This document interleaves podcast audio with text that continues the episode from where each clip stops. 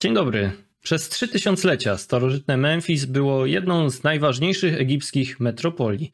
Saqqara z kolei była najbardziej prestiżową częścią nekropolii tego wielkiego miasta i to właśnie na tym stanowisku na zachód od piramidy Dżesera, czyli najstarszej piramidy Egiptu od ponad 25 lat działa właśnie polsko-egipska misja archeologiczna. Jestem Radek Biel z czasopisma Archeologia Żywa i jeśli nie wiem, kiedykolwiek pragnęliście usłyszeć o tym, do czego mogła służyć tajemnicza sucha fosa, kim był urzędnik do spraw tajnych dokumentów faraona, albo wybieracie się do muzeum w Lublinie na przykład, na ich najnowszą wystawę czasową i chcielibyście się dodatkowo przygotować właśnie do wizyty, to ten wykład jest właśnie dla Was. O tym wszystkim i jeszcze wielu innych rzeczach opowiadać zaś będą moi goście, profesor Uniwersytetu Warszawskiego, kierownik Zakładu Egiptologii Wydziału Orientalistycznego UW, archeolog specjalizujący się w badaniach kultury epigrafiki języka starożytnego Egiptu. Od 1996 roku stały członek misji badawczej w Sakarze, a od 2016 jej kierownik, doktor habilitowany profesor UW Kamil Kuraszkiewicz. Dzień dobry. Zabrakło mi już tchu. No. Oraz również archeolog, muzealnik, popularyzator, pracownik Muzeum Narodowego w Lublinie, oraz główny pomysłodawca i kurator najnowszej wystawy czasowej pod tytułem Magia starożytnego Egiptu, Maciej Drewniak. Witam serdecznie. Witam serdecznie. Drodzy widzowie, tradycyjnie przywitajcie ich serdecznie w komentarzach i tym razem dajcie nam znać również, kto wybiera się na wspomnianą wystawę w Lublinie. Jak zawsze w trakcie takich współorganizowanych spotkań skoncentrujemy się na głównym temacie, ale i o wystawie wspomnimy na pewno parę razy. Na przykład to, że potrwa ona do 5 marca 2023 roku. Macie zatem trochę czasu na jej zobaczenie, a przynajmniej czterem osobom planujemy to znacząco ułatwić, no bo przewidzieliśmy dwa konkursy. Jeden dla widzów oglądających nas teraz na żywo na Facebooku, a drugi dla tych, którzy będą oglądać zapis naszego spotkania na naszym kanale YouTube. Spotkanie jest bowiem, jak zawsze, nagrywane i pojawi się na kanale Archeologii Żywej tradycyjnie o godzinie 20 w najbliższy poniedziałek. Specjalnie dla tych jednak, którzy oglądają nas wyłącznie dla przekazywanej wiedzy, zasady i konkursowe pytania padną już po właściwej prezentacji, do której myślę, że już spokojnie możemy przejść. Wszyscy widzą pierwszy slajd. Dziękuję bardzo. Wielką przyjemnością dla mnie będzie opowiedzenie o Sakkarze, a jednocześnie to, to jest bardzo trudne zadanie, dlatego że opowiedzenie o, o Sakkarze ciągu jednej godziny jest właściwie niemożliwe. No, przykładem, który to ilustruje, niech będzie to, że właśnie dzisiaj prowadziłem wykład dla studentów, na którym mówiłem o Sakkarze i ta część sakkareńska miała być tak mniej więcej jedną trzecią wykładu. Ja nie mogę tego wykładu od trzech tygodni skończyć. Mhm. ale postaram się dzisiaj trochę bardziej zdyscyplinować, więc musimy zacząć od stworzenia świata. Znaczy w pewnym sensie od stworzenia świata. Żeby zrozumieć, czym jest Sakkara, trzeba zacząć od Memphis, czyli od tego, co powiedział mój czcigodny przedmówca, od jednej z największych metropolii starożytnego świata, która została według dużo późniejszych, co prawda, przekazów, ale założona w momencie, kiedy Egipt został zjednoczony. Kiedy te odrębne organizmy państwowe zostały zunifikowane, stały się jednym państwem pod rządami jednego króla, który w związku z tą nową zupełnie sytuacją polityczną postanowił założyć nową rezydencję w miejscu, gdzie te dwie części kraju się stykały. Miejsce to znajduje się mniej więcej 30 kilometrów na południe od dzisiejszego Kairu. Obecnie na terenie dawnego Memphis znajduje się mm, cały szereg mniejszych i większych miejscowości, co bardzo poważnie utrudnia badanie tego terenu. Więc o samym Memphis wiemy stosunkowo niewiele. Przede wszystkim nie wiemy, gdzie znajdowało się, nie wiem dokładnie, gdzie znajdowało się to najstarsze Memphis. Natomiast nasza mm, wiedza dzisiaj na temat Memphis i wszystkiego, co z nim związane, pochodzi w znacznej mierze z nekropolii, z cmentarza, na którym byli chowani mieszkańcy Memphis, co obejmuje zarówno królów, jak i wysokiej rangi urzędników, rzemieślników i biedotę. Cmentarz znajdował się zgodnie z egipskim zwyczajem, zgodnie z egipskimi wyobrażeniami o życiu pozagrobowym, na zachód od miasta, na, za krawędzią pustyni, która w tej części Egiptu odcina się od terenów uprawnych bardzo wyraźnie, dlatego że tą granicą między terenami uprawnymi, między terenami zamieszkałymi przez e, ludzi, terenami, które się do tego już mniej nadawały, jest wysoki klif, jest skarpa, miejscami przekraczająca nawet 20 metrów wysokości, więc to jest granica bardzo wyraźna, bardzo ostra i bardzo spektakularna z drugiej strony. Memphis funkcjonowało od momentu, kiedy miało zostać założone, czyli od zjednoczenia Egiptu, co nastąpiło w początkach trzeciego tysiąclecia przed naszą erą, właściwie nieprzerwanie do dzisiaj. Już dziś może nie jako tak ogromna metropolia, ale jako ogromny, zamieszkały, nieustannie użytkowany obszar. Co za tym idzie? Cmentarz, który tą metropolię obsługiwał, jest odpowiednio wielki. No wyobraźmy sobie powązki, które funkcjonują nieprzerwanie przez trzy tysiąclecia. Nieprzerwanie, bez usuwania żadnych grobów, bo hmm. usuwanie grobów teoretycznie było niedopuszczalne w myśl egipskich wierzeń. Oczywiście teoria sobie, praktyka sobie, ale w założeniu groby nie powinny być niszczone. Więc ten cmentarz przede wszystkim przyrastał, a nie kurczył się. W związku z tym ten obszar, który nazywamy zbiorczo nekropolą memficką, obejmuje pas pustyni ciągnący się mm, na przestrzeni kilkudziesięciu kilometrów od dzisiejszej Gizy, może nawet nieco na północ, czyli na wysokości Kairu, do Dachszur, które jest już bliżej Zyfaju. Ale najstarszą częścią tego cmentarzyska jest właśnie Sakkara. I pierwsze ślady działalności, pierwsze ślady pochówków, grobowców budowanych w tej części nekropolii pochodzą właśnie z okresu tuż po zjednoczeniu Egiptu, czyli z czasów panowania pierwszej dynastii. Były one budowane w sposób bardzo przemyślany, z uwzględnieniem wizualnego efektu, który mogli docenić mieszkańcy Memphis. W ten sposób, że żywi mieli cały czas przed oczami obecność zmarłych. Te najstarsze groby były wizualnie imponujące, chociaż imponujące trochę inaczej niż dzisiaj może sobie to wyobrażamy, dlatego że to nie były jeszcze piramidy, to były przede wszystkim to były grobowce osób nie, nie grobowce królewskie, tylko osób prywatnych. No dobrze, w dużym uproszczeniu osoby prywatne raczej nie budowały sobie piramid.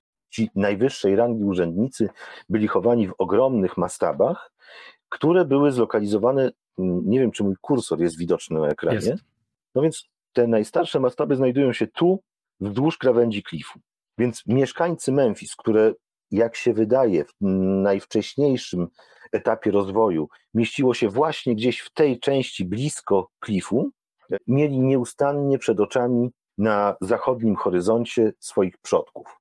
Z czasem cmentarzysko w Sakkarze stało się również cmentarzem królewskim, to nastąpiło za panowania drugiej dynastii i wtedy te grobowce królów e, zaczęły powstawać w pewnej odległości od grobów prywatnych, dlatego że były to czasy, kiedy mm, królowie raczej się po śmierci nie, niechętnie mieszali ze zwykłymi śmiertelnikami i obszar grobowca królewskiego był generalnie wyłączony z użytkowania osób prywatnych. Grobowce królewskie z czasów drugiej dynastii powstawały mniej więcej w tym miejscu. Ale przełomowym momentem w dziejach Sakkary było panowanie Horusa Nechelicheta, którego dziś znamy o wiele lepiej pod imieniem Dżeser. Właściwie nie wiemy, czy on sam tym imieniem się posługiwał. Nie można tego wykluczyć, ale nie ulega wątpliwości, że samo imię jest poświadczone mm, dopiero w czasach znacznie późniejszych, bo za średniego państwa. Natomiast jeszcze później imię Jesser i imię Nechelichet są ze sobą nierozerwalnie związane, więc w świadomości późniejszych Egipcjan te dwa imiona dotyczyły jednej i tej samej postaci.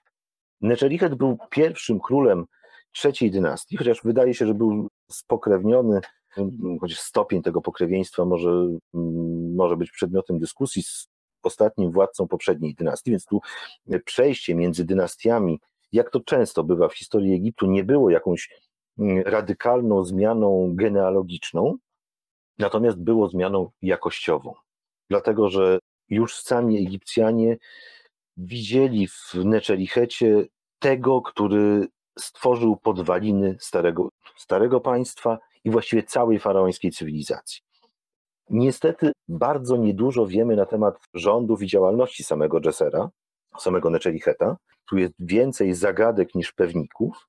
Natomiast nie ulega wątpliwości, że postanowił on sobie zbudować grobowiec właśnie w Sakkarze, czyli na cmentarzysku związanym z główną rezydencją królewską. I był to grobowiec nowatorski pod każdym względem. Nowatorski był przede wszystkim materiał budowlany, bo to była pierwsza tak ogromna budowla w całości wzniesiona z kamienia. Ale był też nowatorski pod względem koncepcji i tego, czym grobowiec właściwie miał być dla króla. Bo on nie miał być tylko miejscem pochówku, ale miał mu zagwarantować szereg, może nie tyle przywilejów, ile szereg możliwości funkcjonowania po śmierci. Więc jak się wydaje, taka koncepcja grobowca w takiej postaci, w jakiej on powstał, jest połączeniem kilku różnych wcześniejszych tradycji, ale z unowocześnieniem formy. Więc mhm. powstało ogromne założenie, którego głównym punktem, co prawda po dość długiej ewolucji, stała się pierwsza na świecie piramida piramida schodkowa. Od tego momentu, mm, znaczy, nie wiem, no właściwie Sakkara była użytkowana nieprzerwanie od kiedy powstały tam pierwsze grobowce, ale od pochówku Neczelicheta Sakkara stała się z krótkimi przerwami nekropolą królewską. I to, co widzicie Państwo na, na tej rekonstrukcji, pokazuje szereg kolejnych piramid, które z biegiem czasu powstawały przede wszystkim w centralnej części Sakkary. Wokół nich z czasem to było możliwe coraz bliżej grobowca królewskiego, z czasem to stało się wręcz pożądane, żeby pochować, żeby zbudować sobie grobowiec w pobliżu królewskiego grobu. Więc z czasem powstawały coraz to nowe i nowe grobowce osób prywatnych, urzędników zarówno najwyższej rangi, jak i tych zajmując nieco niższe miejsca w hierarchii. Po pewnym czasie Sakkara została opuszczona, do tego jeszcze dojdziemy za chwilę. Znaczy, w każdym razie, może nie tyle zupełnie opuszczona, ile do pewnego stopnia wyszła z mody i przez mniej więcej tysiąc lat nabrała charakteru nieco bardziej peryferyjnego. To było spowodowane szeregiem czynników, począwszy od polityki wewnętrznej, przez czynniki zewnętrzne, to przede wszystkim e, procesy klimatyczne, działalność na terenie Sakkary była nieco mniej intensywna. Powrót nastąpił za czasów nowego państwa, mniej więcej w okolicach panowania Tutanchamona, trochę wcześniej, e, trochę później. Natomiast w ostatnim tysiącleciu przed naszą erą ten rys historyczny jest bardzo ważny, żeby zrozumieć to, o czym będę mówił za chwilę, czyli to, co my właściwie robimy w Sakkarze. Więc pierwszym tysiącleciu przed naszą erą Sakkara nadal rozkwitała, ale zmienił się jej charakter, zmienił się jej wygląd i zmienił się jej charakter, bo z powązek stała się czymś w rodzaju jasnej góry.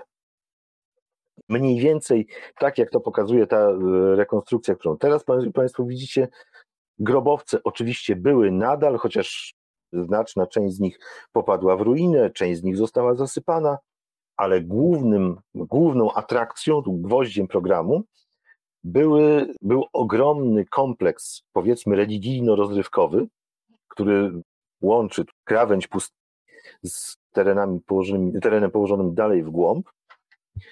Obszar związany z szeroko pojętym kultem Apisa i wszystkim, co z tym było związane. To był cel pielgrzymek, miejsce, dokąd ludzie przybywali zasięgnąć rady bóstw, dokąd przybywali podziękować Bogom, złożyć e, dary dziękczynne na przykład, albo prosząc o radę. Całe to założenie przejęło ciężko, ciężar działalności na terenie Sakkary.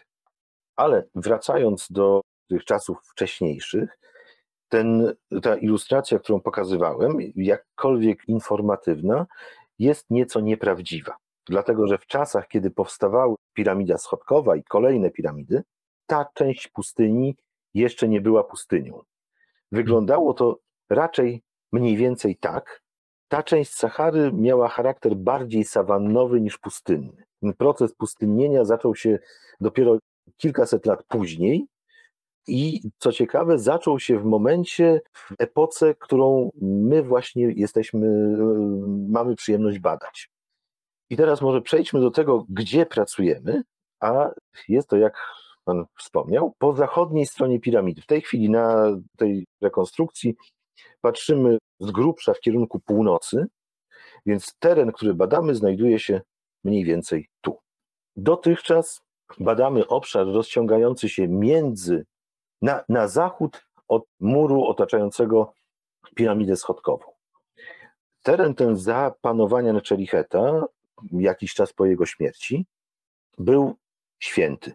Znaczy, cała nekropola była święta w pewnym sensie, ale ten teren, jako należący do królewskiego grobowca, był wyłączony, był zakazany dla innych ludzi.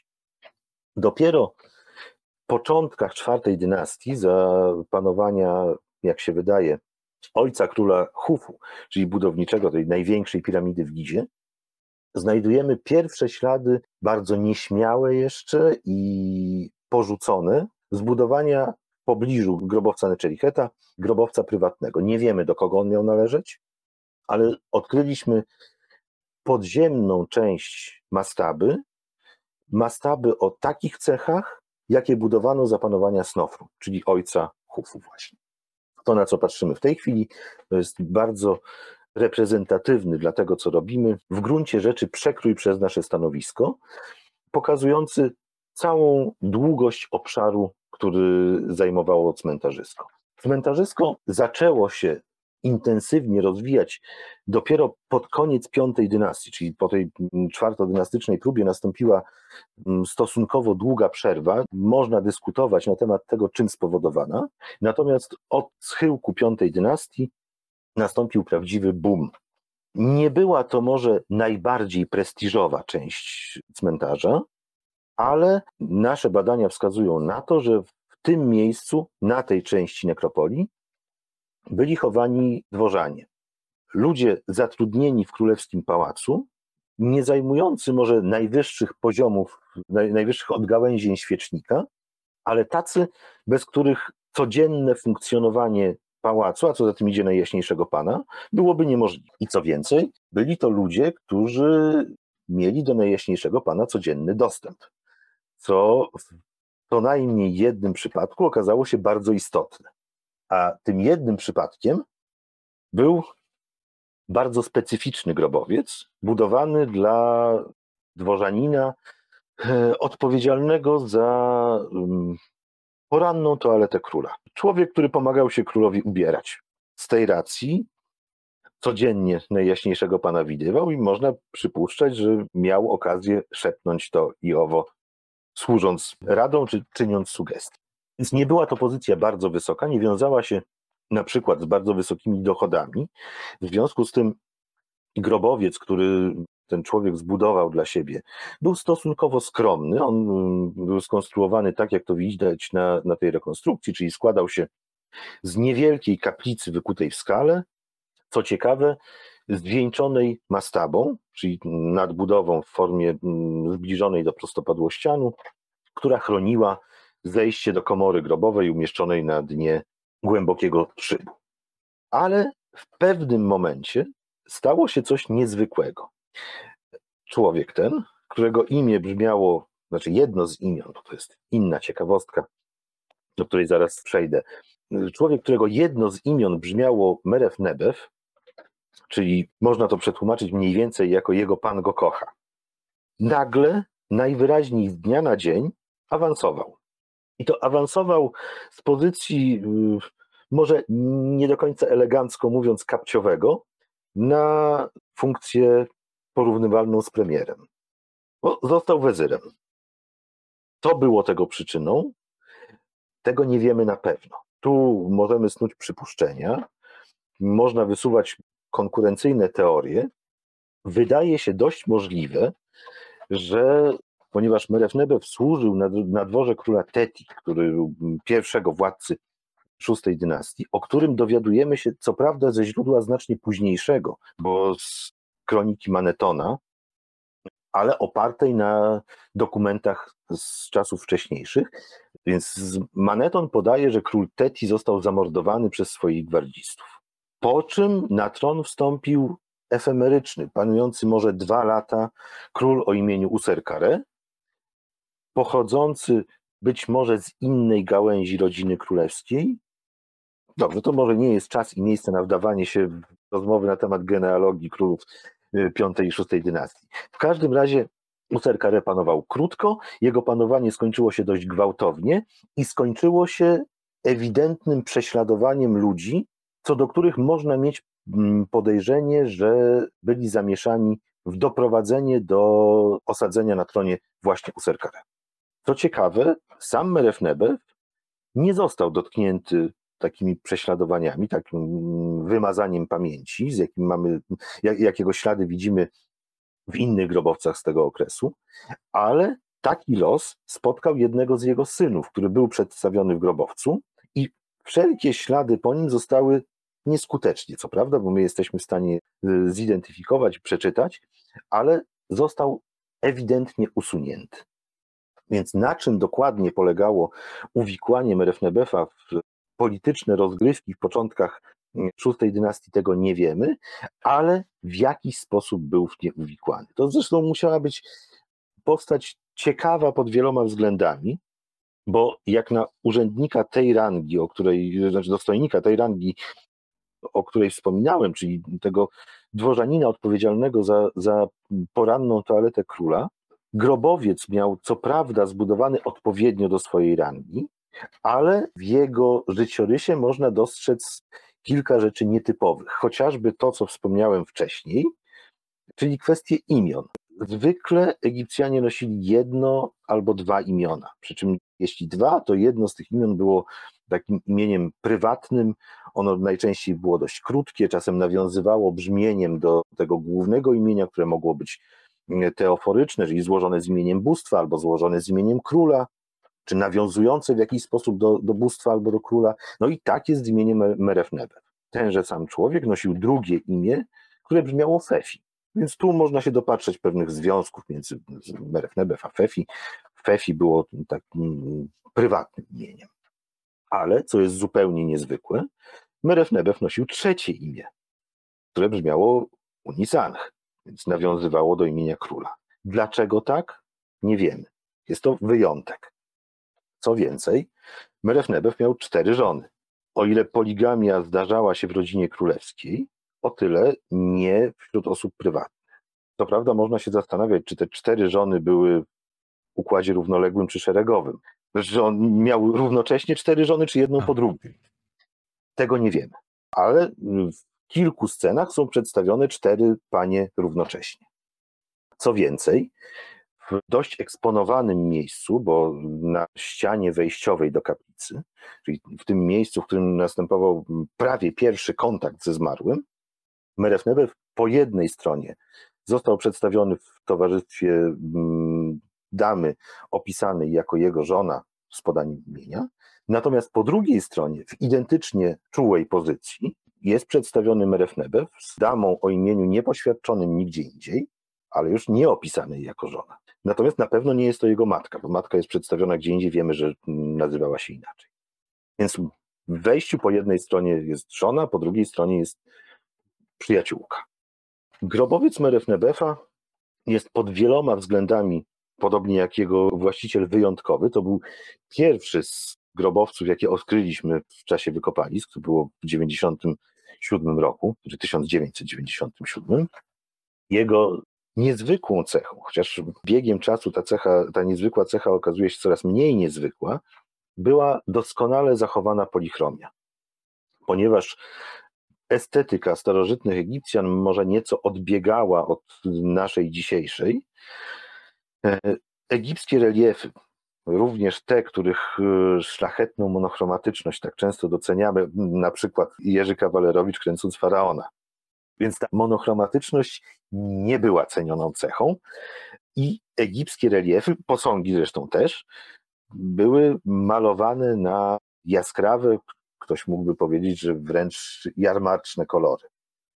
Niestety większość grobowców w Sakkarze, grobowców, które zostały odkryte w XIX albo w początkach XX wieku, grobowców, które przez bardzo długi czas stały otwarte Mm, wystawione na działanie czynników atmosferycznych, polichromii nie ma.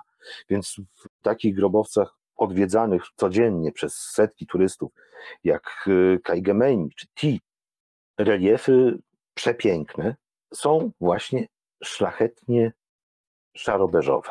Natomiast tu u Merefnebefa możemy docenić w pełni to, jak wyglądały egipskie reliefy, jak wyglądała egipska architektura wtedy, kiedy ona funkcjonowała, kiedy żyła, kiedy była użytkowana. Niestety ta fantastyczna cecha niesie też pewne niebezpieczeństwa, ponieważ kaplica jest wykuta w skalnym podłożu, więc podlega wszystkim procesom, którym to podłoże podlega.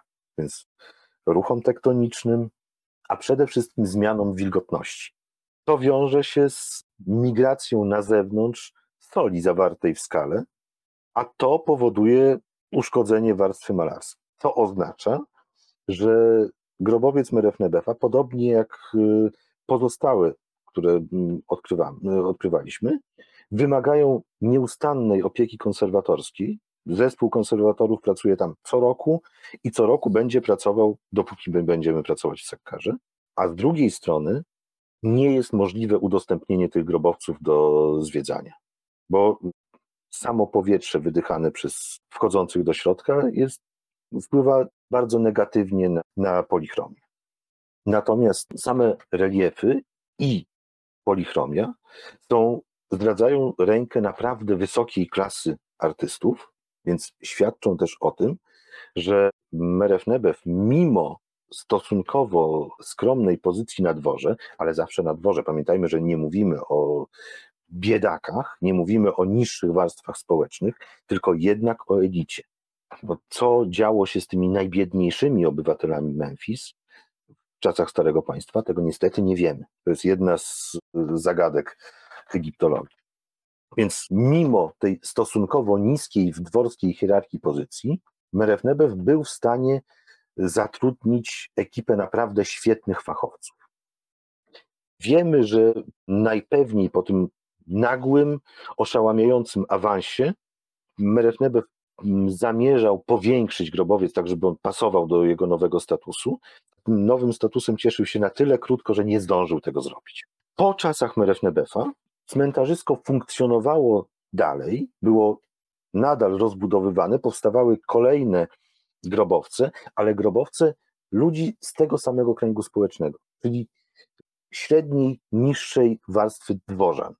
Więc to nie były wielkie, bogato zdobione mastaby, takie jak wspomniany Mereruka, czy, czy Kajgemeni, czy Ti, ale stosunkowo skromne konstrukcje, najczęściej z suszonej cegły, czasem z kamienia, często tylko z niektórymi najważniejszymi elementami architektonicznymi kamiennymi. To cmentarzysko rozwijało się aż do schyłku Starego Państwa, kiedy zaczął na całym świecie zachodzić, zaczęły zachodzić zmiany klimatyczne powodujące osuszenie klimatu tej części świata, co wiązało się nieco paradoksalnie z krótkotrwałymi, ale bardzo gwałtownymi opadami deszczu. To w innej sytuacji nie byłoby dużym problemem, natomiast tutaj było, dlatego że Cały ten cmentarz był zabudowany grobowcami zniesionymi z suszonej cegły, która, jak sama nazwa wskazuje, jest tylko suszona, a nie wypalona, więc dość źle znosi wodę, bo po prostu się w niej mhm. rozpuszcza. Więc grobowce w tej części cmentarza były kilkakrotnie niszczone i odbudowywane, równane z ziemią i restaurowane, aż jakiś czas trudny do uchwycenia dokładnie po końcu VI dynastii ta część cmentarza została opuszczona. Ale to też znaczy, że bardzo trudnym zadaniem jest identyfikacja tego, co działo się w tej części cmentarza, dlatego że pozostałości grobowców są w wielu przypadkach bardzo niejednoznaczne. Więc stajemy od lat, co roku, przed trudnym zadaniem, po pierwsze, eksploracji tego terenu, eksploracji pozostałości, które przetrwały z grobowców, zachowania tego, co, co przetrwało i próby odczytania historii tego miejsca. Historii tego miejsca, ale też historii kraju, dlatego że historia Sakkary, historia tego cmentarza w Sakkarze dostarcza informacji na temat mm, polityki wewnętrznej, w niektórych przypadkach i polityki zagranicznej. Więc to nie jest tak, że, że badamy tylko mm, mały wycinek obszaru na, na zachód od Memphis. Dzięki współpracy kilkunastu, czasem kilkudziesięciu osób, które tworzą zespół, jesteśmy w stanie z dość dużą dokładnością rekonstruować to, co działo się na tym cmentarzu to i budowle, które na nim powstawały.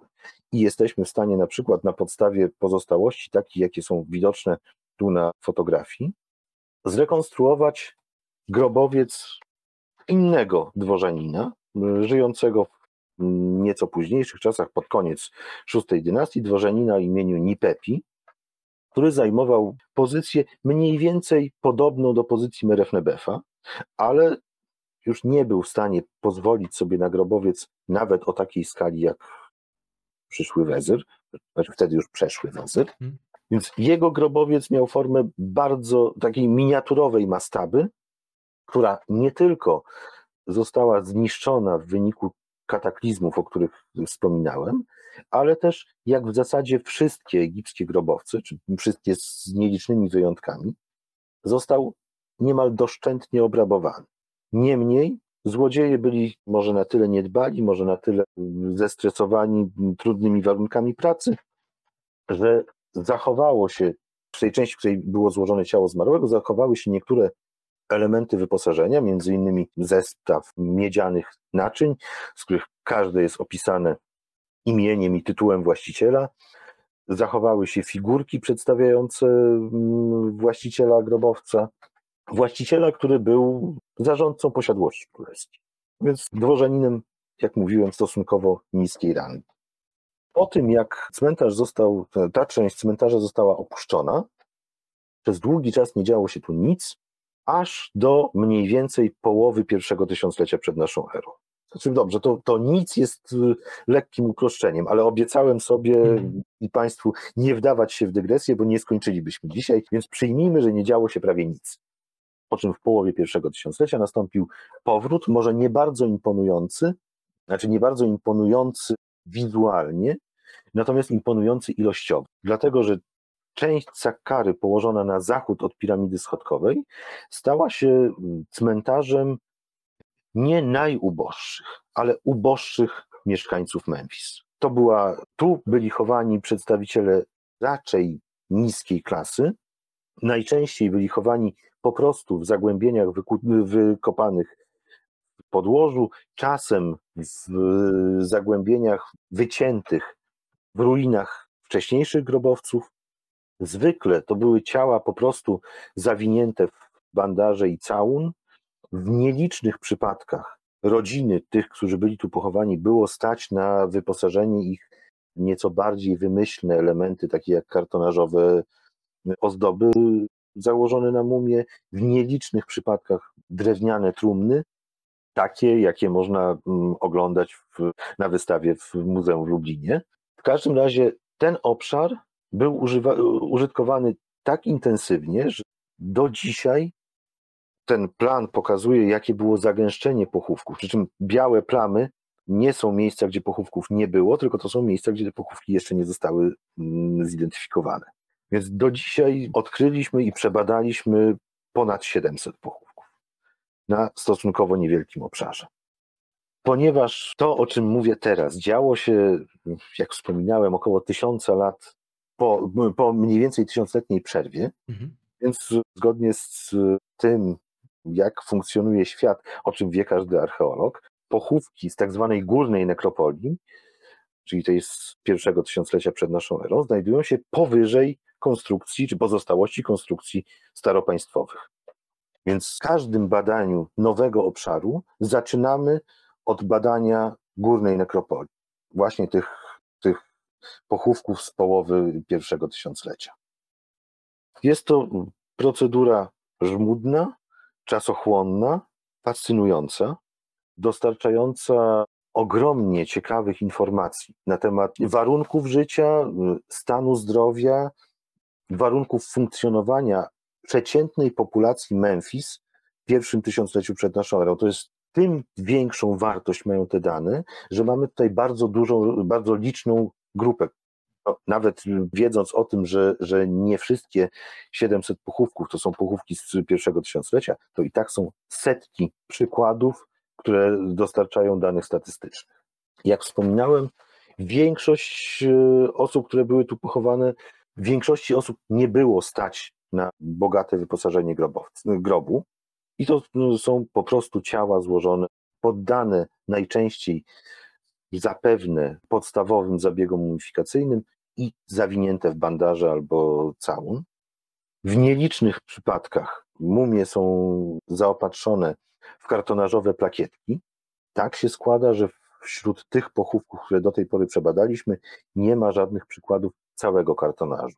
Znaczy kartonażu przykrywającego całe ciało. To są mm, właśnie osobne plakietki, dokładnie takie jak y, ta mumia, która w Lublinie spoczywa. Najczęściej kartonażowe ozdoby, tak jak to widać na górnym zdjęciu na tym slajdzie, są uszkodzone, są zniszczone albo w wyniku działania złodziei, którzy pracowali bardzo intensywnie również w tych czasach. Tu widać, że część osłaniająca głowę została w pewnym momencie zdarta, wrzucona do, do dołu. Ktoś próbował się dostać do wnętrza mumii, zapewne w poszukiwaniu na przykład amuletów, które tam mogły być e, umieszczone, dokładnie takich, jakie można zobaczyć w Muzeum w Lublinie. Ale ponieważ, jak wspominałem, nieodłączną częścią naszej ekipy jest zespół konserwatorski, udaje się te kartonażowe ozdoby przywrócić do stanu może nie tyle używalności, ile w każdym razie świetności, co można docenić na, na tym zdjęciu. Oprócz kartonażu i znaczy kartonażowych ozdób z rzadka drewnianych trumien, sporadycznie zdarzają się inne elementy wyposażenia, również przypominające to, co można zobaczyć w Lublinie. Czyli na przykład tak zwane skrzynki kanopskie, czy figurki ptacha Sokarisa Ozyrysa. Ale na tym nie koniec. Dlatego, że badając cmentarz z czasów, nekropole urzędników z czasów Starego Państwa, pracujemy w bezpośrednim sąsiedztwie grobowca Neczelicheta. Nie da się o nim zapomnieć, on jest obecny zawsze. Mhm. I badając pozostałości prywatnej nekropolii, znajdujemy od czasu do czasu ślady związane z grobowcem królewskim. Na przykład w postaci elementów architektonicznych pochodzących z wewnętrznych pomieszczeń, z pomieszczeń wykutych pod ziemią, które mogły się tutaj znaleźć albo dlatego, że ten obszar na zachód od piramidy, przy, przylegający bezpośrednio do, do kompleksu grobowego, był takim rodzajem zaplecza logistycznego, gdzie mieściły się warsztaty zaopatrujące budowę potrzebne elementy, albo dlatego, że w pewnym momencie kompleks Neczelicheta został też splądrowany.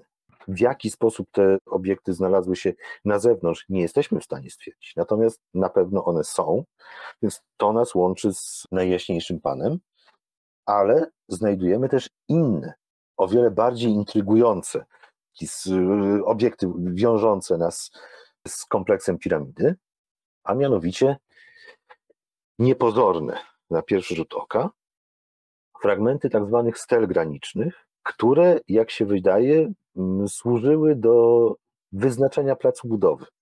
Znaczy, zanim powstał kompleks piramidy schodkowej, obszar, na którym miał zostać zbudowany, został wytyczony tak, jak to się robi dzisiaj, budując coś na działce, wbijamy paliki. No tu robiono to w trochę bardziej skomplikowany sposób. No i pozostałości tego procesu znajdujemy mm, badając tą prywatną nekropolę. Ale to nie wszystko. Dlatego, że prawdę mówiąc, my nie pracujemy po zachodniej stronie kompleksu grobowego Neczelicheta. My pracujemy w kompleksie grobowym. Co okazało się dopiero stosunkowo niedawno, znaczy nie, teraz to już jest dawno, w latach 80. ubiegłego wieku, kiedy nieżyjący już niestety egipski archeolog Nabil Sweli zauważył na zdjęciach lotniczych, czy wtedy już były zdjęcia satelitarne? No chyba tak. Zauważył, że wokół piramidy dzieje się coś dziwnego. I jeśli przyjrzycie się Państwo tej fotografii, to zauważycie to też, że dookoła, tu jest, tu, tutaj biegnie mur otaczający piramidę, ale dookoła znajduje się coś jeszcze. Znajduje się zagłębienie na tyle znaczne, na tyle wyraźne, że widać je na zdjęciach, mimo że jest wypełnione piaskiem. Znaczy jak się okazuje nie tylko piaskiem, ale to. Nabil Suleim doszedł do wniosku, że cały kompleks królewski był otoczony wielkim rowem wykutym w skale, który był czymś w rodzaju fosy otaczającej średniowieczny zamek. Czyli taką barierą między sferą sakrum a sferą profanum, przede wszystkim między królewskim grobowcem, a tym wszystkim, co, co do niego nie należało. Nazwał to suchą fosą. Z czasem okazało się, że niektóre odcinki suchej fosy zostały rzeczywiście odkopane, chociaż e, ci, którzy prowadzili te badania, nie zdawali sobie sprawy z tego, co znajdują. Natomiast my, ponieważ pracujemy w tym miejscu, to prawie dokładnie na osi piramidy, postanowiliśmy sprawdzić, czy tam coś jest. Znaczy, czy sucha fosa rzeczywiście istnieje. No i Nabil jeszcze zdążył zobaczyć, że sucha fosa rzeczywiście jest. Chociaż co prawda w trakcie naszych badań okazało się, że fosa i owszem, ale niekoniecznie zawsze była sucha, mhm. ponieważ no, w tym okresie intensywnych deszczów woda spływała ze wzniesienia, z kompleksu piramidy schodkowej i przynajmniej okresowo fosa była bardzo mokra, ale okresowo i to nie było efektem zamierzonym. Ale wracając do tego, co się okazało, po południowej stronie piramidy, kompleksu grobowego, okazało się, że ten wielki rów, rów, którego głębokość przekracza miejscami 20 metrów, nie jest takim po prostu rowem jak średniowieczna fosa, tylko jest zaopatrzony w dodatkowe elementy. A to ogromne, bo kilkumetrowej wysokości nisze wykute w ścianie, brzegu, jakkolwiek by to nazwać, znaczy w bocznej ścianie, a to schody, ścianki działowe, ścianki z przejściami, ale przejściami umieszczonymi na takiej wysokości, że nie da się z tych przejść korzystać ani stojąc na dnie, ani stojąc na górze. Części, którą my badamy, nie znaleźliśmy nic podobnego do tych obiektów, które widać, przepraszam, po lewej stronie. Natomiast znaleźliśmy pozostałości struktur wykutych w brzegu fosy, najpewniej w czasach Neczericheta, czyli związanych etapem budowy. Jedną z tych struktur jest tak zwany korytarz pierwszy, czyli na pozór nic fascynującego. 20 metrów korytarza biegnącego w stronę piramidy kończy się niewielkim pomieszczeniem. Natomiast fascynujące było to, co, co znaleźliśmy wewnątrz korytarza pierwszego, a był nim e, ponad dwumetrowej długości harpun, wyrzeźbiony z jednego kawałka drewna. No właśnie, tak wygląda korytarz pierwszy i to, co wiemy dziś o Suchej Fosie, harpun wyrzeźbiony z jednego kawałka drewna i ozdobiony wizerunkami węży. Po dwóch stronach drzewca tego harpuna są wyrzeźbione wijące się węże, dokładnie identyczne, identyczne pod względem stylu i formy, jak węże zdobiące jeden z zabytków ponad wszelką wątpliwość pochodzący z czasów Neczericheta, bo ozdobionych jego imionami. Więc uważamy to za mocny dowód na to, że harpun pochodzi z czasów Neczelicheta, mhm. że był elementem celowo złożonym w tym miejscu w ramach budowy, w ramach wyposażania królewskiego kompleksu grobowego. Harpun zresztą nie był tak sobie odrzucony tam do środka, tylko miał specjalnie przygotowany dla niego pokrowiec, pojemnik, taką cylindryczną tubę, również wyrzeźbioną z drewna, zamkniętą dopasowanym korkiem, więc to, to było bardzo przemyślany i staranny sposób złożone. No i oczywiście nasuwa się pytanie, po co to wszystko? Prawda jest taka, że nie wiemy, ale możemy przypuszczać. No i przypuszczenie jest takie, że ponieważ ten rów, fosa nie jest po prostu rowem, tylko rowem z szykanami, to czemuś on musiał służyć. Nie, był to, nie była to po prostu granica, nie był to tylko kamieniołom, bo i w jednym, i w drugim przypadku nie były potrzebne ani nisze, ani te ściany działowe z przejściami, ani korytarz z harpunem. Wydaje się, że jest to instalacja jedyna w swoim rodzaju, o wiele bardziej fascynująca. Coś w rodzaju tego, co w późniejszych grobowcach królewskich, dużo późniejszych grobowcach, można zobaczyć w formie malowideł albo reliefów na ścianach.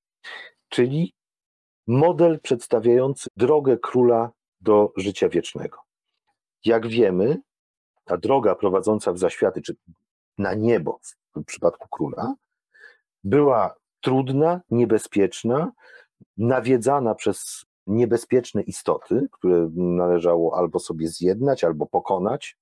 I wydaje się, że temu właśnie miały służyć wszystkie instalacje, które znalazły się w obrębie fosy. Oczywiście my znamy w tej chwili tylko kilka punktów, nie, nie mamy obrazu pełnego fosy, do tego zmierzamy, no ale takie wykopaliska są bardzo czasochłonne, co jest mniejszym problemem, ale są też bardzo kosztochłonne. Niestety znalezienie finansowania wykopalisk jest trudne, żeby nie powiedzieć, że graniczy z cudem. W każdym razie, odsłaniając bardzo powoli kolejne odcinki suchej fosy, żeby sprawdzić, na ile ta teoria, która zakładałaby, że fosa była nie tyle fosą, ile takim rodzajem autostrady do nieba, na ile ona jest słuszna, trafiamy co i róż na niespodzianki. To, co Państwo widzicie w tej chwili, to jest fragment brzegu fosy, brzegu oczywiście wykutego w miejscowej skale, która jest miękka, krucha i ma bardzo liczne tektoniczne pęknięcia. W związku z tym już w starożytności, na pewno przed pierwszym tysiącleciem przed naszą erą, chociaż trudno wskazać dokładną datę, duże partie skały uległy zarwaniu. Na przykład tu, na przykład tu, ale poza tym widać, że brzeg fosy jest, był oryginalnie idealnie równy, biegł równolegle do muru otaczającego kompleks piramidy. No i badając kolejny odcinek, trafiliśmy na ten moment, gdzie, gdzie jest zarwana skała. Musieliśmy jakoś, jakoś ten problem przezwyciężyć. Dwa fragmenty skały, oceniając przybliżeniu, ważyły mniej więcej po 40 ton. Więc ruszenie tego z miejsca nie wchodziło w grę. Kopanie pod tym oczywiście też nie. Więc musieliśmy je usunąć, co oczywiście wymagało ostrożności, precyzji i było czasochłonne. Dlatego dopiero w ubiegłym roku udało nam się dotrzeć do tego, co było poniżej tych dwóch oberwanych fragmentów skały. I to jest właśnie to, na co patrzycie Państwo w tym momencie, czyli niespodzianka, grobowiec. Grobowiec nie królewski, grobowiec osoby, a właściwie osób prywatnych o dość niecodziennej formie, dlatego że jest to grobowiec, no nie zaryzykuję stwierdzenia, że rodzinny, ale na pewno przeznaczony dla wielu osób. Jeśli się Państwo przyjrzycie, to tu znajduje się pomieszczenie. Ono pierwotnie było zadaszone i miało ściany, no, to, to, to była właśnie ta część, która się zarwała. Pomieszczenie, w którego podłodze jest wykutych kilka szybów, z których przynajmniej część służyła do tego, żeby tam kogoś pochować. Do tego pomieszczenia przylega inne, z którego wejścia prowadzą do dwóch kaplic. Kaplic, które służyły sprawowaniu kultu pośmiertnego dla kogoś. W samej tej części były pochowane co najmniej dwie osoby. To był ten moment, kiedy niestety musieliśmy przerwać wykopaliska, więc nie wiemy, co jest wewnątrz tych kaplic, ale nie jest tak, że jesteśmy skazani zupełnie na domysły, dlatego że o ile jedna z nich, ta bardziej rzucająca się w oczy, kiedy się wchodziło, wejście prowadziło tędy, do tego założenia, nie mówi nam na razie nic o tym, kto był jej właścicielem. O tyle ta, która znajduje się tu, ma fasadę zdobioną reliefem, wizerunkami właściciela i co ważniejsze, z jego tytułami. To zależy od perspektywy, to co jest ważniejsze, ale na fasadzie został właściciel przedstawiony i opisany zarówno imionami, jak i tytułami z tej listy funkcji pełnionych przez y, zmarłego. Wynika, że ten gentleman o bardzo ciekawym, niespotykanym imieniu Mechczeczu, to, to imię powtarza się zresztą, nie, nie tyle powtarza, ile występuje w kilku różnych, bardzo zbliżonych wariantach, był pisarzem odpowiedzialnym za tajne dokumenty królewskie. Co to dokładnie znaczy, tego niestety dla czasów Starego Państwa nie wiemy. W każdym razie Mechczeczu był pisarzem odpowiedzialnym za tajne dokumenty królewskie, więc znowu należał do tej samej warstwy w przybliżeniu, co Merefnebew. Czyli był takim średniej rangi, członkiem średniej rangi personelu pałacowego. No, w centralnej części fasady, jak widać, jest wejście do kaplicy, o której wiemy, że jest stosunkowo nieduża, natomiast jak wyglądała, tego jeszcze nie wiemy. Wiemy natomiast, że grobowiec nie został nigdy dokończony. Mhm. Jeśli się Państwo przyjrzycie, to na zwłaszcza tej prawej postaci widać czerwone linie, które są szkicem. Więc skoro zachował się szkic, to znaczy, że ta powierzchnia nie otrzymała polichromii, więc praca została przerwana na mm, zaawansowanym, ale jednak stosunkowo wczesnym etapie pracy. Natomiast sam relief pozwala docenić rękę artysty i widać, że był to fachowiec klasy nie gorszej niż ten, który dekorował kaplicę Merefnebefa. Więc grobowiec Mechczeczu nie został dokończony. Część jego dekoracji powstała tylko na etapie szkicu, szkicu, który notabene jest imponujący subtelnością. W każdym razie, ponieważ grobowiec został wykuty w miejscowej skale, tej samej, w której mm, powstała kaplica Merefnebefa, tej samej, która jest bardzo krucha, bardzo zasolona i bardzo trudna w obróbce, więc część dekoracji powstała na powierzchni kamienia, ale na tynku, którym trzeba było ją pokryć, żeby cokolwiek z tym zrobić. Wszystko to sprawia, że cała fasada Mechczeczu musiała być odsłaniana, w miarę odsłaniania, natychmiast poddawana zabezpieczeniu, natychmiast konserwowana. I tu nie mogę nie wspomnieć o tym, że właśnie ta kaplica była ostatnim wspaniałym dziełem szefa naszego zespołu konserwatorskiego, zmarłego w zeszłym roku niestety, Zbigniewa Godziejewskiego. Myślę, że to było godne jego dzieło. No, natomiast do samej kaplicy zamierzamy wrócić wiosną przyszłego roku, jeśli wszystko pójdzie po naszej myśli. I myślę, że wtedy będziemy w stanie dowiedzieć się trochę więcej i na temat samego Mechczeczu, bo tytuły, które nosi są co najmniej intrygujące, no i tego, co działo się w jego otoczeniu, ale również, na co bardzo liczę, że dowiemy się czegoś więcej na temat tego, jak wyglądała sucha fosa w czasach Neczelicheta i czy ta teoria mm, trójwymiarowego modelu drogi w zaświaty da się obronić. No, trzymamy kciuki jak najbardziej. Ja ja na pewno trzymam kciuki. Pani Ariana tutaj pisała już w trakcie w komentarzach, że trzyma kciuki za powodzenie dalszych wykopalisk jak najbardziej. Bardzo dziękuję za. No, w punkt prawie bym powiedział, bo trochę zajęło moje wprowadzenie, drobne problemy, więc wyrobienie się w ciągu godziny na temat y, prawie całej historii Sakary. Dobra, oczywiście, że to nie było prawie to całe, był, ale bardzo skrótowej całej historii. Wyciąg najważniejszych informacji, dokładnie. I było już wspominane parę razy w trakcie o wystawie, co można na niej zobaczyć. Ale, a jeszcze, ja miałem udostępnić z kolei obu panom to. Ale Maćku, jakbyś powiedział parę słów właśnie o tej wystawie. Skąd w ogóle pomysł i dlaczego właśnie Egipt? Dlaczego Egipt to chyba widać było właśnie przed chwilą. Po pierwsze gratulacje wielkie dla, dla całego zespołu, no bo to wiadomo, że to cała ekipa, prawda, tam stała i widać ogrom pracy. No widać też te znaleziska i odkrycia to rekompensują na pewno ten, ten trud tam spędzony. Dlaczego Egipt? No to chyba od zawsze fascynował również mnie i tutaj jak też rozmawialiśmy wcześniej jeszcze podczas spotkania w muzeum, to tak jak była mowa, że na studia dalej na Egipt zawsze są chętni, nie, nie, ma, nie ma wolnych miejsc, także on, on tam gdzieś z nas siedzi od zawsze, a ja chciałem też zaprezentować, umożliwić jakby taką przeniesienie się w te podobne klimaty, ale bez, bez pokonywania tych tysięcy kilometrów, także do nas, do Lublina, może ktoś ma mniej z Warszawy, czy też z innych miejscowości w Polsce, także zapraszamy do, właśnie do Muzeum Narodowego w Lublinie, do, tak jak mam wspomniał, do 5 marca przyszłego roku można do nas odwiedzić. Sporo czasu i wydaje mi się, że ta wystawa też stworzona została też dla takich fascynatów, dla tych wszystkich, których oczarowała ta cywilizacja, ta kraina tych faraonów. Opowiemy trochę, opowiadamy trochę na tej wystawie o życiu tych starożytnych Egipcjan, i jak ta fascynacja tą cywilizacją, jak ich wzbudza tymi swoimi dokonaniami. No do dzisiaj przecież wszyscy, wszyscy w głowach tak siedzi trochę ten Egipt i cokolwiek chociaż o nim, o, nim, o nim wiemy. Całość tej zaplanowanej wystawy ma sprawić, żeby zwiedzający trochę tak się poczuł właśnie jak archeolog.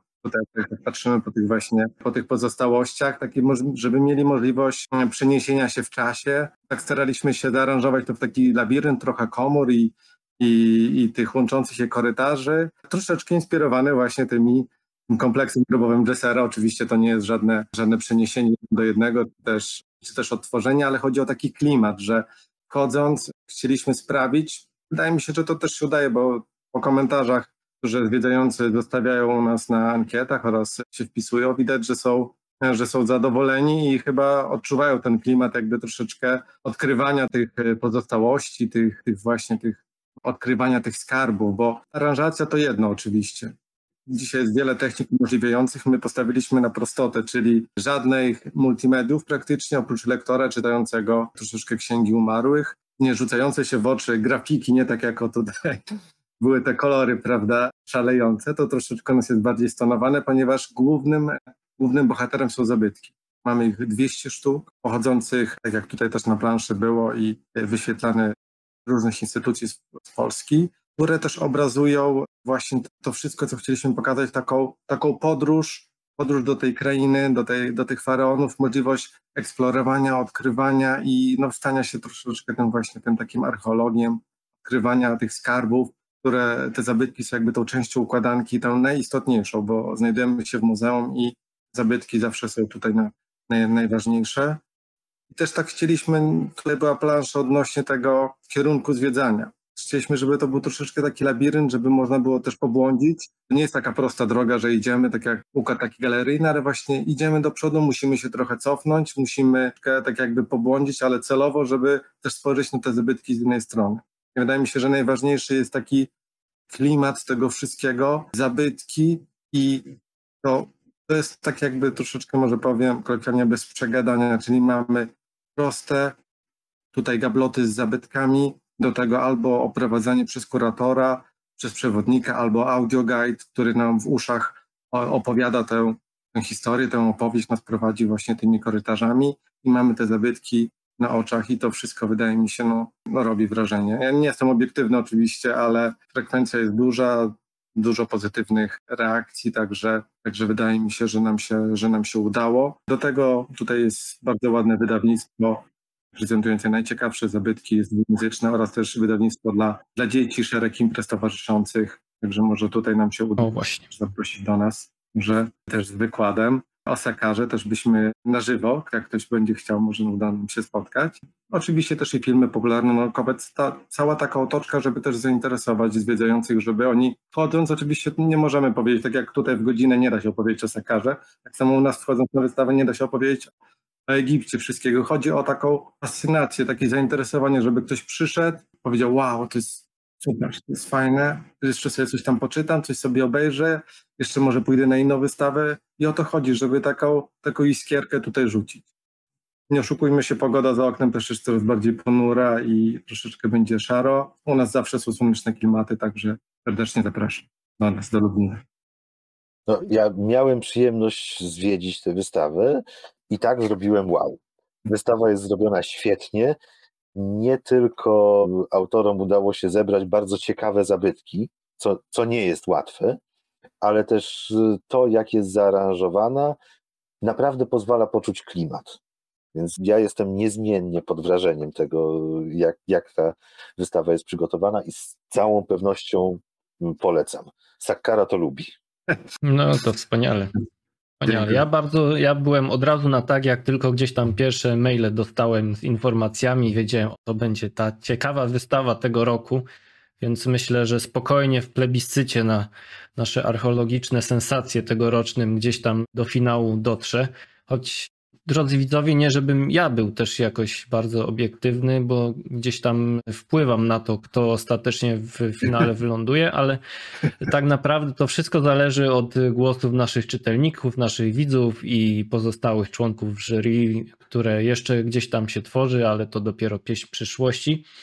Obiecywałem, że zaraz jeszcze trochę będzie pytań, trochę będzie dyskusji, ale obiecywałem, że zaraz, gdy się zakończy część ta oficjalna najbardziej, no to będą pytania konkursowe. Na Facebooku, drodzy widzowie, którzy oglądacie nas na żywo, przygotujcie się. Właśnie teraz, zaraz powinno się pojawić w komentarzach waszych, w dyskusji, tam gdzie piszecie komentarze, pytanie konkursowe. Nie czytam go, bo jest pewny rozjazd pomiędzy tym, jak widzicie nas, tym, co ja widzę. więc po prostu kto pierwszy, ten lepszy. Pytanie jest y, proste. O, dobra, właśnie prawie wkleiłem pytanie razem z odpowiedzią, więc dobrze, że mi się udało, nie nacisnąłem od razu. Tak, y, pytanie z kolei dla widzów na YouTubie Aha, nie powiedziałem, że kto pierwszy odpowie na, poprawnie na pytanie, ten otrzyma nagrody. Nagrody są niesamowite. Trzy książki od wydawnictwa poznańskiego: Jak przeżyć w starożytnym Rzymie, jak przeżyć w starożytnym Egipcie i jak przeżyć w starożytnej Grecji. Do tego dwie wejściówki na wystawę oraz katalog, który widzieliście na jednym z tych zdjęć, czy na paru zdjęciach, bo wnętrze też było. Więc wielkie podziękowania dla wydawnictwa poznańskiego i Muzeum Narodowego w Lublinie. Z kolei do tej do takiej samej nagrody dla widzów na YouTubie dorzucamy jeszcze torbę specjalną, gdzie akurat nie mam zdjęcia przygotowanego, ale torba jest bardzo ładna z takim wielkim skarabeuszem, tak? Jeśli dobrze, w takim ciemnym, zielo, ciemnym zielonym kolorze. I do Was jest trochę to bardziej skomplikowane. Pytanie jest takie: jakie stanowisko archeologiczne w Egipcie najbardziej pragnęlibyście zobaczyć na własne oczy, niezależnie czy ponownie, czy po raz pierwszy? Może jakieś już na Was niesamowite wrażenie zrobiło? Autorka lub autor komentarza z największą liczbą polubień, które oczywiście odpowiedzi wpisujcie w komentarzach pod zapisem naszego spotkania na YouTubie. Autorka z największą liczbą polubień lub autor zdobędą nagrodę główną która będzie, no, jak powiedziałem, jeszcze bardziej imponująca niż ta, która powędruje do kogoś z widzów na Facebooku. Odpowiedzi wszystkie są poprawne z tego, co tutaj widzę, ale ostatecznie odpowiem, napiszę do kogoś, kto jest zwycięzcą, bo tutaj różnie to bywa na Facebooku z tą kolejnością i nie chcę powiedzieć kogoś niepoprawnego, więc teraz sobie tylko zrobię z temu zdjęcie, co widzę teraz, żeby to porównać z tym, co widzę później. Więc tak, tak. Aha, i dla widzów na YouTubie czas macie, polubienia będziemy liczyć, podliczymy, tego sobie nie napisałem, ale w poniedziałek 14 listopada o godzinie 23.55. Do tego momentu macie czas zbierać polubienia. I teraz pytanie od widzów. Jest z nami bardzo dużo osób. Nie, jest, nie byłem w stanie wszystkich pytań pewnie złapać, ale powiem tylko tak. Oglądają nas ludzie z całej Polski. Są się Mianowice Śląskie, jest Lubuskie, jest mój ulubiony ostatnio widz z miejscowości Zimna Woda, która czekam na taki kiepski dowcip, czekam na kogoś z miejscowości Zimna Wódka, bo wiem, że takie na pewno istnieje gdzieś w Polsce. No i oprócz tego już gdzieś tam na samym początku par Artur na przykład pisał, że bił Goraj od Lublina rzut beretem, więc na pewno jak jemu się udało wygrać, no to będzie zainteresowany. Pan Bartosz z kolei napisał, że z Torunia ma daleko, ale jak wygra bilety, to przyjedzie. Z Wrocławia jest jeszcze dalej, więc proszę się nie martwić. I pan Mariusz na pewno, gdzieś tam pierwszy, jedno z pierwszych pytań było, czy grobowce miały jakiś ustalony kanon ich budowy, czy po prostu od tego, kto bogatszy, ten sobie tak stawiał jak chciał? Znaczy, no, były pewne zasady. Mhm. Przede wszystkim grobowiec musi pełnić dwie funkcje. Z jednej strony musi chronić ciało.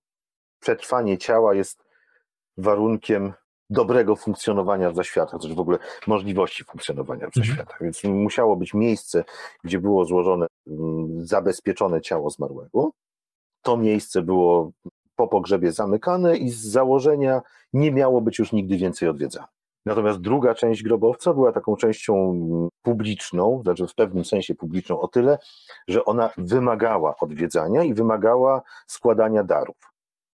To tak w najbardziej ogólnym zarysie. Teraz przechodząc do szczegółów, ponieważ Egipcjanie wierzyli, że kraina zmarłych znajduje się na zachodzie, to ten punkt, gdzie zmarły spotykał się z żywymi, właściwie gdzie zmarły spotykał się z tym, co żywi dla niego przynieśli, był zorientowany właśnie na zachód. Tym punktem było miejsce kultu, które składało się w wersji optymalnej z tak zwanych ślepych wrót, czyli ozdobnie rozbudowany, rozbudowanego przedstawienia zamkniętych drzwi, przez które zmarłe, dusza zmarłego wracała z zaświatów. Ślepe wrota musiały się znajdować w zachodniej ścianie. Znaczy tak, żeby on, mm, ich tylna strona, czyli ta niewidoczna dla mm, odwiedzających, wychodziła na zachód, no bo stamtąd przychodził zmarły. Więc to wymuszało też orientację grobowca, chociaż czasami ukształtowanie terenu, jak chociażby w przypadku grobowca Merefnebefa, wymagało użycia kreatywności przy rozplanowaniu. Ale to, to marginalna w tym momencie sprawa. Więc miejsce kultu, czyli ślepe wrota i stół ofiarny, czyli takie miejsce rytualnie czyste, w którym, na którym mogły być zostawione ofiary dla zmarłego, to był zestaw podstawowy. To mogło być e, oczywiście rozwijane dodatkowo przez dekoracje ścian, dodatkowe pomieszczenia. Tu już e, no, to zależało od możliwości finansowych. Przeci na przeciwnym biegunie nie wszystkich było stać na zamówienie ozdobnego miejsca kultu, więc w wersji minimalnej miejsce kultu musiało być rytualnie czyste i to wystarczało. Mhm, super, dziękuję bardzo. Pan Tomek zastanawia się, zawsze świetne pytania pisze, czy wiadomo jaki mógł być nakład pracy środków, czego ekwiwalentem mógł być koszt powstania takiego skromnego grobowca? A, mm, są, były podejmowane takie próby, ale dla czasów dużo późniejszych, dla których dysponujemy dokumentami pozwalającymi poznać koszt produktów chociażby. Dla starego państwa ustalenie tego jest bardzo, bardzo trudne, a przeliczenie na dzisiejszą wartość, no ja bym się tego nie podjął. Jasne. No to niektóre nie mówiłem, że pytania będą łatwe, tak tylko powiem. To nie było łatwe e... pytanie. Pan Jan zastanawia się, co mogło doprowadzić do laicyzacji cmentarzyska w Sakarze. Zubożenie miasta, czy może jakieś przekleństwo rzucone na poprzednich lokatorów grobu? Ale ono się nie, zla, nie zlaicyzowało. Ono w drugą stronę poszło. Nie? Ono, ten teren cały czas był święty, tyle że o nieco innym, znaczy nieco inaczej rozłożonych akcentach. Bo nawet wtedy, kiedy głównym główna działalność na terenie Sakkary była związana z apisem y, i z pochówkami świętych zwierząt, tam nigdy nie przestano chować, y, nie przestano używać tego obszaru jako cmentarzyska dla ludzi. Tyle, że no ta, ta kultowa strona stała się bardziej popularna, ważniejsza. Super. Padło w trakcie takie stwierdzenie jak skrzynka kanopska. Tutaj w komentarzach już wiele osób odpowiedziało, czym ona dokładnie jest, ale pani Tamara się zastanawiała dla widzów na YouTubie, czym jest skrzynka kanopska. Czy to ma być odpowiedź krótka czy długa? Krótka. Dobrze. W założeniu pojemnik na zabalsamowane wnętrzności, usunięte w czasie procesu mumifikacji. Nie do końca tak to było, ale takie było założenie. O, tutaj też jest pytanie, to chyba nie będziemy znali odpowiedzi na nie, skoro nie znamy za bardzo, gdzie chowano takich, takich ludzi, przeciętnych mieszkańców, ale pani Magdalena się zastanawia, czy przeciętni mieszkańcy z ludu mogli wiedzieć, gdzie i kto spoczywał. Znaczy wiedzieć. Każdy grobowiec był oznaczony imieniem właściciela. No bo imię gwarantowało to, że składane ofiary trafią do tego, do kogo mają trafić. Inna rzecz, że przeciętny człowiek z ludu nie umiał czytać, więc to, że imię właściciela było zapisane w grobowcu, niewiele mu pomagało, jeśli ktoś mu tego nie przeczytał. 1%, tak? No tak, coś, coś około tego. Natomiast można się też zastanawiać, kogo rozumiemy, mówiąc o przeciętnym człowieku z ludu. Bo jeśli na przykład za przeciętnego człowieka z ludu uznamy pracownika firmy budującej grobowce, i takiego robotnika, to tak, oni bardzo dobrze wiedzieli, kto gdzie leży. Co więcej, bardzo dobrze wiedzieli, co jest złożone w grobowcu i jak się do tego dostać. W którymś momencie wspomniałem o tym, że, że większość grobowców, czy prawie wszystkie grobowce egipskie są obrabowane. Tak y, w wielu przypadkach mamy dowody na to, że rabowaniem grobów zajmowali się ci sami ludzie, którzy zajmowali się ich budową i prowadzeniem pogrzebów. Więc ci prości ludzie z ludu na pewno wiedzieli, kto gdzie leży. Mhm. Tutaj pan Daniel bardziej specjalistyczny, ale muszę sobie przeczytać je, żeby zrozumieć, co, co dokładnie w nim chodzi, ale z, zanim to, pani Teresa, tutaj chciała jeszcze doprecyzowanie, jak długo chowano tam zmarłych. I teraz pytanie, czy w samej Sakarze? Chyba w samej Sakarze. Z jakiego okresu pochodzą najmłodsze pochówki? Najmłodsze? Mhm. W niektórych częściach przypuszczam, że sprzed paru dni. O. No tak, bo Na terenie pustyni znajdują się też współczesne cmentarze, na których są chowani okoliczni mieszkańcy. A te bardziej. Natomiast to, te, te mniej świeże. te bardziej starożytne? O, nie wiem. e, Pierwsze wieki naszej ery. Mhm.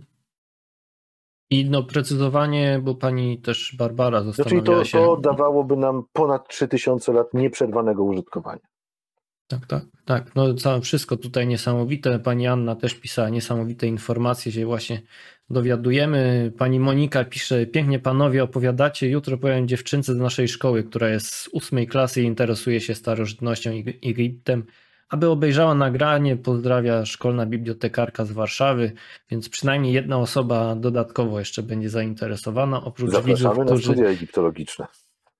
Zapraszamy jak najbardziej. Ja tu, no dobra, szczerze mówiąc, ja nigdy nikogo nie zapraszam na archeologiczne studia, bo wiem, jak to jest z pracą później, ale jeśli ktoś się nie przejmuje, że później będzie problem, wierzy w siebie i swoje możliwości, i, i to jak najbardziej. Zdecydowanie polecam. Jest to świetna przygoda na pewno. Czy kierunek, który będą zadowoleni rodzice, to już tego nie wiem i tego nie chcę gwarantować nikomu. Ale pani Barbara się właśnie zastanawiała, na ile da się ustalić te dokładnie datowania tych młodszych pochówków z pierwszego tysiąclecia przed naszą erą i, i, i jeszcze młodszych, to tylko też zabytki. Tak? Nie da się. Nie da się, dlatego że w większości przypadków nie ma w kontekście tych pochówków żadnych obiektów, które pozwoliłyby na precyzyjniejsze datowanie. Jedyną metodą byłoby pewnie C14, no ale to nie wchodzi w grę z szeregu powodów. Rozumiem, rozumiem. Pani Teresa chyba tutaj właśnie pisze, że zawsze można studiować dla pasji, tak, jak najbardziej. Ale to wszyscy archeolodzy raczej to robią właśnie z tego powodu. Pan Daniel właśnie pisze o właśnie odnośnie Aposa i świętych byków. Pytanie do pana profesora odnośnie Serapeum. Co się stało pana zdaniem ze świętymi bykami czy w ogóle one tam były i do czego służył cały ten grobowiec, jeśli ewentualnie nie jako cmentarz świętych byków? Zupełnie niedawno czytałem teorię wysuniętą przez rosyjskiego badacza, który twierdził, że Serapeum, że sarkofagi w Serapeum tak naprawdę nie są sarkofagami, tylko kadziami, a całe Serapeum było elektrownią wytwarzającą prąd w drodze fermentacji alkoholowej. Nie wiem, jak daje się uzyskać prąd w drodze fermentacji alkoholowej, no ale jest taka teoria. Co się stało z bykami? Trudno powiedzieć. Znaczy, przede wszystkim moment, kiedy Serapeum było badane, to był sam początek archeologii w Egipcie. To było właściwie od wykopalisk Serapeum zaczęła się, zaczęły się naukowe badania Egiptu. To był etap bardzo początkowy, kiedy wszystko właściwie odbywało się intuicyjnie, mocno po omacku, z intensywnym użyciem dynamitu. Więc prawdę mówiąc, trudno być pewnym, co w momencie odkrycia było w sarkofagach. Mhm. Natomiast nie ma, nie ma żadnego powodu, żeby przypuszczać, że apisów tam nie było. Mówią Mhm. o tym źródła pisane, i to źródła pisane znajdujące się w samym Serapeum, to znaczy niektóre z sarkofagów są opisane informacją o tym, że jest tam pochowany apis, łącznie z dokładnymi datami pochówku. W pobliżu sarkofagów, w samym Serapeum, znajdują się stele, które nawiązują, dobrze, znajdowały się stele, które nawiązują do, do tego, że te byki tam były pochowane. Znamy spoza Serapeum dokumenty mówiące o pochówkach apisów, znamy nawet dokument podający przebieg rytuału balsamowania apisa. Więc to, że apisy były, że apis funkcjonował przy świątyni Ptacha w Memphis, znaczy funkcjonował, miał się tam całkiem dobrze. Miał do dyspozycji komfortową zagrodę, łącznie z haremem. Więc to nie ulega wątpliwości, to jest dobrze poświadczone źródłami. To, że apisy były chowane w Sakkarze, właśnie w tamtej okolicy, gdzie znajduje się Serapeum, od czasów Nowego Państwa, też nie ulega wątpliwości, bo jest poświadczone dobrymi źródłami. To, że nie znamy żadnego, żadnej mumii apisa, no, no nie znamy, no, ale nie znamy wielu rzeczy. Tak, podobnie Jasne. jak gdyby nie szczęśliwy przypadek, znalibyśmy niewiele mumii królewskich. Jak najbardziej. Pan Daniel od razu pisze, że świetna teoria, bardzo dziękuję. Znaczy, Przepraszam za literówkę. ja też ją lubię. Tak, chyba tak. Przepraszam za literówkę odnośnie Apisa, bo pisze, jest w pracy i pisze w rękawiczkach. Ja oczywiście nie zorientowałem się nawet, ale na szczęście pan profesor skojarzył od razu. Tak, ale skojarzenie z oposem było bardzo malowane. O, no, tak, tak. Jeszcze zastanawia się ta sama osoba, no to też zaskakujące pytanie. Ile zdaniem pana profesora procentowo zostało jeszcze do odkrycia w Sakarze? To trudne pytanie, dlatego że nie wiemy dokładnie, jak daleko na zachód sięga nekropola. Znaczy wiemy, gdzie zaczyna się wschodniej stronie, ale zachodniej granicy nie znamy. Co więcej, właściwie za każdym razem, kiedy zerknąć coraz dalej na zachód, okazuje się, że tam coś jest. No więc tym tropem idąc, trudno ocenić. Myślę, że na obecny stan wiedzy i przyjmując, że nie sięgamy wzrokiem dalej niż sięgnęliśmy do tej pory, dalej na mhm. zachód, powiedziałbym, że znamy około 20%. No, to jeszcze trochę pracy jest, więc Zdecydowanie spokojnie, tak. spokojnie na, na temat tych studentów to można jeszcze, mogą się zapisywać jak najbardziej. Jakby to zawsze też jest pełna roboty w Polsce, nie przejmujcie się, gdyby się Sakara w końcu została przebadana w całości, ale to też żadnemu stanowisku chyba nie grozi archeologicznemu. I pytanie od pana Mariusza. Czy wiemy coś na temat tego, co się działo z tymi przedmiotami z grobów, które były rabowane, tak? Czy one były odsprzedawane, czy przytapiane na jakieś inne i ponownie sprzedawane? i to, i to. No, część tych przedmiotów była z metalu, tak jak chociażby te miedziane narzędzia, które widzieliśmy. To można przetopić, można mm, odsprzedać, można wreszcie użyć dla siebie. Znamy Znamy kilka przypadków, znaczy kilka takich, które mi w tej chwili przychodzą do głowy, obiektów związanych z kultem pośmiertnym, które były ewidentnie przerabiane dla kogoś innego, bo były opisane dla jednej osoby, a potem to, to inskrypcja została zmieniona. Natomiast czy w tych przypadkach możemy mówić o, o przedmiotach ukradzionych? Trudno powiedzieć. Nie, no nie ma jak tego ustalić. Mhm, jasne. I od pani Magdaleny jeszcze, bo jest naszym stałym widzem, jakie badania były przeprowadzone nad znaleziskami? Domyślam się, że chodzi o jakieś specjalistyczne, nie o powy jakieś tam typologiczne i tak dalej. Nie wiem, jakieś. Jeśli idzie o nasze stanowisko tylko, o, tak, tak. była prowadzona tylko. znaczna ilość różnego rodzaju analiz. Ale to kolejne część... spotkanie. To jest jedna rzecz, a druga przypuszczam, że nawet nie potrafiłbym wymienić wszystkich, dlatego że to były badania ordynowane przez osoby zajmujące się konkretnym, konkretnym tematem, czyli na przykład badania mineralogiczne zlecane przez konserwatorów. Mhm. Przypuszczam, że nie potrafiłbym powtórzyć nazwy trzech czwartych, a może i więcej tych y, badań. I tu płynnie przechodzimy do pytania zadanego przez panią Martę o tytuły publikacji, gdzie zostały opublikowane wyniki przeróżnych badań.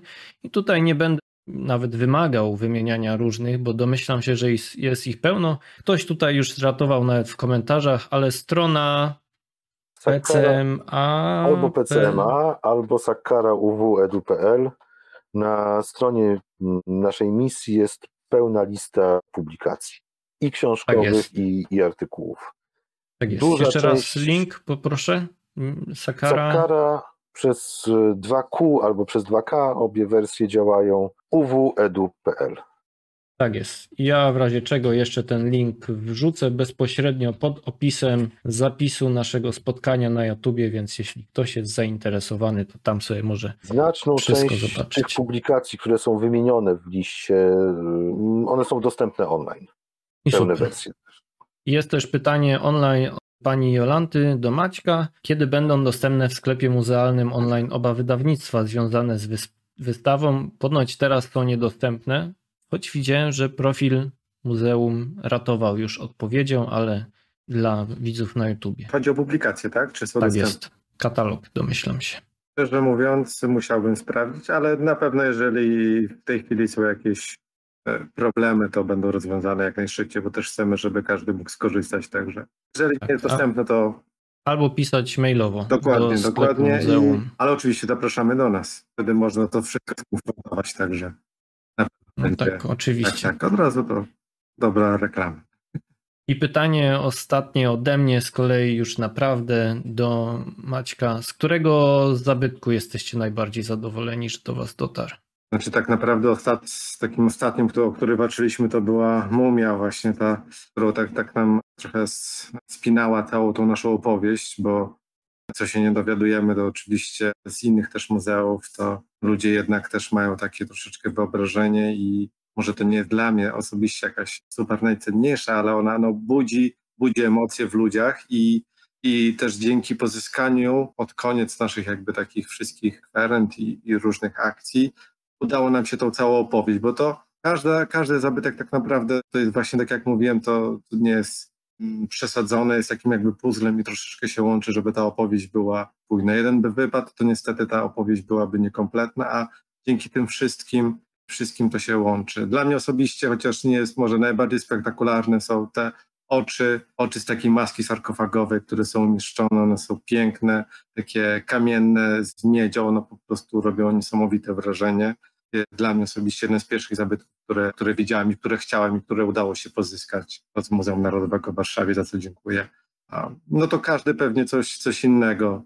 Dzieciaki przychodzą, to mumia kota to jest też jest taki kit, to jest Mhm. Wspaniałe. Chociaż jak się dowiadują, że tam jest naprawdę kod, już jest troszeczkę inaczej, ale, ale no to każdy ma, każdy ma coś, coś takiego swojego. Wydaje mi się, że każdy, kto przyjdzie, to, to będzie, będzie coś znajdzie właśnie dla siebie. A tu jeszcze koleżanka napisała odnośnie, odnośnie publikacji, że można zamówić pisząc na nasz adres sklep małpa mnwl.pl, czyli Muzeum Narodowe w Lublinie.pl i tam można zamówić nasze te publikacje wszystkie, także są dostępne pilnują na bieżąco normalnie, Pilnują gorąca linia, tak, tak to jeszcze nie działa, mieliśmy. Wszystko działa sprawnie, także.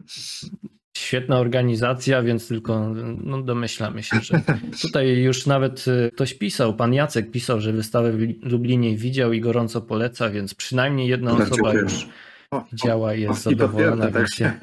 Przepraszam, ja też polecałem. zdecydowanie. Tak, tak, ale no, też wiemy jak to może być ze specjalistą od starożytnego Egiptu, jego obiektywnością, jak w końcu widzi wystawy na ten temat w Polsce. Domyślam się, choć też krytyka może być no, naj, najgo, najbardziej, no tak jak oczywiście.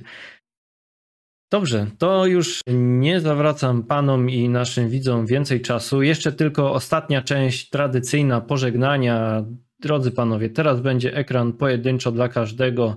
Zaczynamy od pana profesora. Pozdrowienia, pożegnania, podziękowania, jak na Oscarach.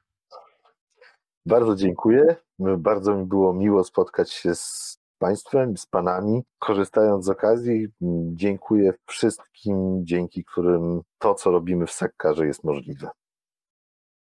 Tylko tyle. Dobrze, no to krótko, Ale zwięźle. Jak obszernie. Jak obszernie, no nas domyślam się, że tych osób jest y, od groma i jeszcze więcej. No, więc właśnie no to... dlatego w takiej formie. Maćku, oddaję głos tobie. Również dziękuję wszystkim. E, tam była też taka tablica u nas, tam przewijała się, jak mówiłem, z całymi tymi osobami, bo to wiadomo, że ja tutaj jestem przed kamerą, ale to cały zespół pracuje nad, nad wystawą, nad całą tą otoczką tego wszystkiego, to są lata pracy i, i nikt samemu by nie podało tak samo na wykopaliskach, czy też właśnie wykonując, wykonując tutaj taką pracę muzealną, czyli wystawę. Także no jest to grupa ludzi, no, którym też serdecznie dziękuję. No i dziękuję wszystkim uczestnikom tutaj, e, którzy dotrwali do tych godzin wieczornych. Chciałem zaprosić jeszcze raz, korzystając z okazji, żeby się zareklamować nasze muzeum i, i naszą wystawę. Zapraszam serdecznie, naprawdę warto. Szczerze, jest tam trochę słońca, tak jak mówiłem, w dni się na pewno wszystkim przyda. Jak najbardziej. Bardzo dziękuję za to całkowicie płynne powiedzenie tego, co miałeś powiedzieć. Trochę ja zajmę Wam troszeczkę, troszeczkę dłużej, drodzy widzowie. Tradycyjnie ode mnie jeszcze parę słów. Bardzo dziękuję wszystkim za te miłe słowa, które piszecie. Pani Anno, też się również cieszymy, że udało się Pani w końcu obejrzeć i być z nami na żywo. Cieszymy się z każdej nowej osoby, która z nami jest jeśli jesteście z nami pierwszy raz, no to widzimy się najpewniej znowu za tydzień, jeśli nic nam nie wypadnie tak jak tydzień temu, niestety.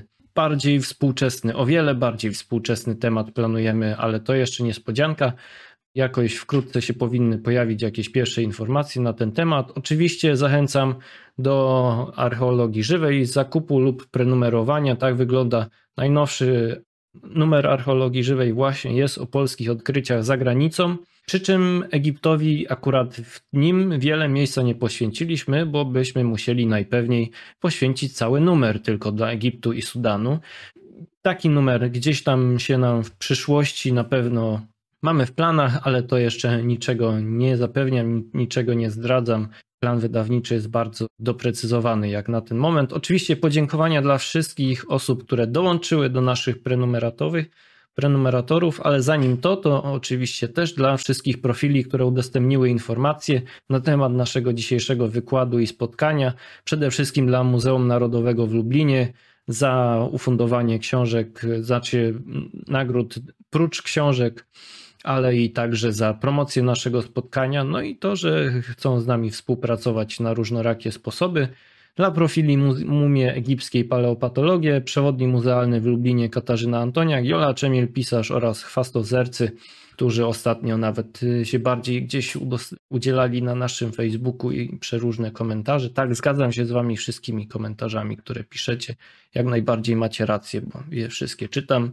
A dla prenumeratorów, no to od ostatniego spotkania, które było dwa tygodnie temu, więc trochę tych osób jest, były to panie Paulina, Joanna, Agnieszka, Justyna, Magda, Magdalena, Justyna, Anna, Anita oraz Agata i wiem, że w tym przypadku akurat wraz z Maćkiem, a także panowie Paweł, Bogdan, Sylwester, Karol, Krzysztof, Jacek, Michał, Piotr, Damian, Szymon, Andrzej, Arkadiusz, Adam, Bartłomiej, Leon, Łukasz, Jerzy, Michał, Paweł, Konrad, Bartosz, Marcin.